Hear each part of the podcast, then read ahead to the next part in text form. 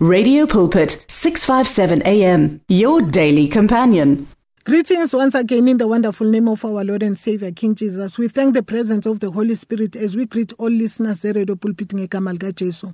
Our scripture reading silapha book of Revelation chapter 3.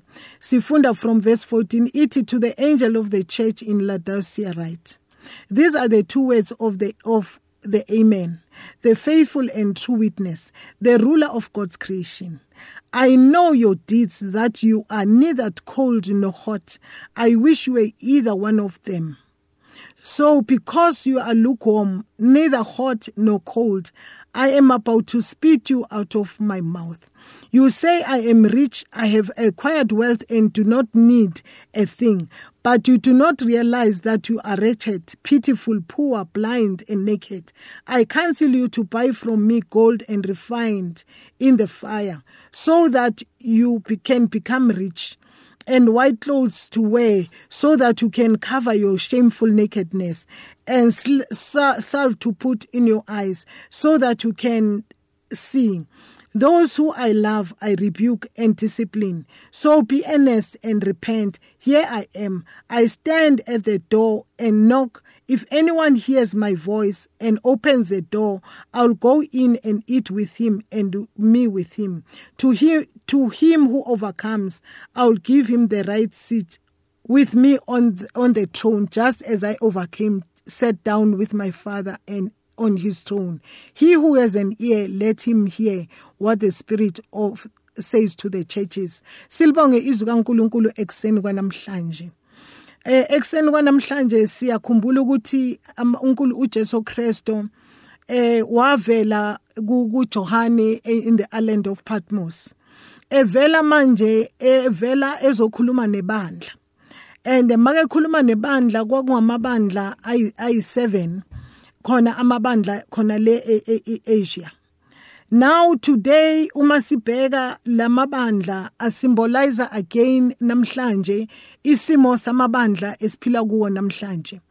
Uma sibheka leli bandla laseLaodicea siyathola ukuthi eh leli bandla leli izwi kaNkuluNkulu liyasitshela ukuthi these were people who were very highly educated.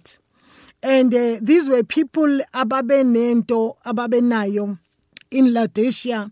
And leyo nto leyo babenayo babenesalve kwabantu abakhiqiza isalve eyayivula iyayenzani kwakunama doctors amehlo. Bekhona ukuthi eh umuntu make nesimo esamehlo bakwazi ukumhila. But uma uJesu Kristo evela kubo uthi kubo these lithi these are the words of uh, of the amen. And the faithful and the true witness. Ah manje uJesu Kristo uvela njengo amen. Sazi ukuthi uma sithi amen kusho ukuthi uJesu Kristo is omega. Kuqale ngaye futhi kuyogcina ngaye. Uthi makavela futhi athi eh, eh, the faithful. Manje uma sibheka even the faithful ukuthi masikhuluma ngobufaithful ezwini likaNkuluNkulu liyakhuluma izwi likaNkuluNkulu ukuthi ifoundation kaNkuluNkulu lithi his faithfulness and love they go before him. And izwi likaNkuluNkulu malikhuluma ngokwethembeka kukaNkuluNkulu nakwaJesu Kristu lithi uthembekile noma singathembekanga. Manje at the same time makhulunywa ngendaba yokuba faithfully ezwini likaNkuluNkulu. Siyathola ukuthi eh, eh makukhulunywa ngobu faithful uNkulunkulu ungothembekile. Ngempela uNkulunkulu ungothembekile nalapho singathembekwanga. Nento yokuthi uma ebona kwenzeka into akwazi ukuyiconfronta ubonisa uNkulunkulu ukuthi uNkulunkulu othembakele. Ngoba manje uNkulunkulu ekuthembakaleni kwakhe akafuni ukuthi akwazi ukumphanisha umuntu engazange wakwazi ukumyala. Manje sibona uNkulunkulu la uJesu Kristo evela John in the island of Patmos. And makavela la uvela emtshela ukuthi mina ngukubani uJesu Kristu uthembakele nalapho singathembakalanga khona. Wathembakala kuNkulunkulu kwaza kwaba sekugcineni. Manje ekseni kwanamhlanje sisakhuluma ngaleli verse nakothembakala kaNkulunkulu sithola ukuthi manje uthi uJesu Kristu I am a, a, a true witness ngufakazi ophelele. Athi I'm a ruler of God's creation. Uma ekhuluma ngokuba yirula ye-God's creation siyathola lapho even in the book of uh, Proverbs uma lichaza umoya engcwele lichaza uJesu Kristo ukuthi he is a ruler of creation and uh, lichaza ngoba izwi kaNkuluNkulu 1 Corinthians chapter 1 liyasitshela ukuthi he is the wisdom of God. Manje lana izwi likaNkuluNkulu malimchaza uJesu Kristo as a as a ruler of God's creation. Ngithanda ukuthi sibuyele kancane eh laphayana ku ku Proverbs chapter 8 uma lichaza ngeruler of God's creation. Manje lithi leli lizwi eh ku verse 22 wakhona ithi the Lord brought me forth. As the first of his works before his deeds of old. I was appointed from eternity, from the beginning, before the world began. When there were no ocean, I was given birth. When there were no springs abounding waters. Before the mountains were settled in, before the hills, I was given birth. Before he made the earth or the fields or any of the dust of the world. I was there when he set heavens in its place, when he marked out the horizon in the face of the deep, when he established the clouds and fixed and fixed security the fountains on the deep when he gave the sea the boundary so that the waters would not overstep his command and when he marked out the foundation of the earth then i was the craftsman at his side I was filled with delight day after day, rejoicing always in his presence, rejoicing in his whole world, and delightful in mankind. Now, siyalibona lapho ukuthi uJesu Kristo lim explaina kanjani lapho in the book of uh, uh, uh, Proverbs ukuthi he was there when everything was created. He was there. He's the beginning. He's the creator. Manje lana ufikela leli bandla laseLaodicea uma ilifikela uyazi-introducer. Seke-introducile njengoba sifunda athi i'm the ruler of god's creation manje uthi i know your deeds that you are neither cold nor hot. Manje uma sibheka into endikindiki sithola ukuthi into endikindiki iyinto it's it's standing on a gray gray gray area. It's neither black it's neither white. And manje these people were standing in the gray area. Uma uJesu Kristu ezibona athi nindikindiki uthi i wish you were either one or the other kusho ukuthi uJesu Kristu uyakhuluma ukuthi ayimjabulisi ukuthi uma umzalwane ube umzalwana nje owom bakhona abantu vele abathi ngesonto baya enkonzweni but uma bebuya baphindele emikhubeni yabo yakudala bakhona abantu baya enkonzweni behabasha kodwa azi ukuthi la ehleli khona ukhiphithile. Bakhona abantu aya enkonzweni azenze nezinto zikaNkuluNkulu kodwa ezazi very clear ukuthi akekho qualified ukuzenza ngenxa yemisebenzi yakhe. Kodwa ayenze into noma unembeza wakho umtshela ukuthi eh wena kufanelanga uyenze lento ngani? Ngoba undikindiki. Manje esikhathini esiningi siphila kwibandla elindikindiki namhlanje. Siphila kwibandla elicompromiseayo namhlanje. Siphila kwibandla elikhonza uNkulunkulu ngendlela abayifunayo nendlela ezoba satisfya yiko lokhu umpostoli uPauli wakhuluma lokhu ezwini likaNkuluNkulu lapha ku 2 Timothy ku chapter 3 wayimenshina wathi eh, but mark this there will be terrible times in the last days. People will be lovers of themselves, lovers of money, boastful, proud, abusive, disobedient to their parent, ungrateful, unholy, without uh, without love, unforgiving, slanderers, without self-control, brutal, not lovers of the good, treacherous, rash, conceit, uh, lovers of pleasure, rather than lovers of God, having a form of godliness but denying its power. We are leli bandla beli ibandla laseLaodicea elithi masilibhekana namhlanje siyibandla elifana nelaseLaodicea sinosimo sokumkhonza uNkulunkulu kodwa siyawaphika amandla akhe into ekwenza ukuthi ubone ukuthi siyawaphika amandla akhe yilokho ukuthi uma kuthiwa nayi i-miracle ngapha ugijimela kuyo yilento yokuthi manje siyawaphika amandla akhe ngoba asikhona ukuthi thina sibelieve ukuthi uNkulunkulu mangikhulekile uyangizwa ngifuna ukuthi ngihambe ngiye kumuntu othile ukuthi na imiracle ngapha khipha imali. The enemy is still doing into abantu abayenzayo kuyobhadala ezinyangeni nanamhlanje usayenza kodwa uyenze wayiletha ngedishe kahle yokuthi ize kahle ize iphethe izwi likaNkuluNkulu. Manje esikhathini esiningi siphila kuleso sikhathi namhlanje isikhathi so sebandla elindikindiki. Namhlanje uNkulunkulu uzamuva izinto zethu zihamba ngaphambili. Namhlanje uNkulunkulu asikwazi ukukhuluma ngaye asikwazi ukuthi siyimele indaba yethu noNkulunkulu. Siba namahloni kuyimela indaba yethu noNkulunkulu.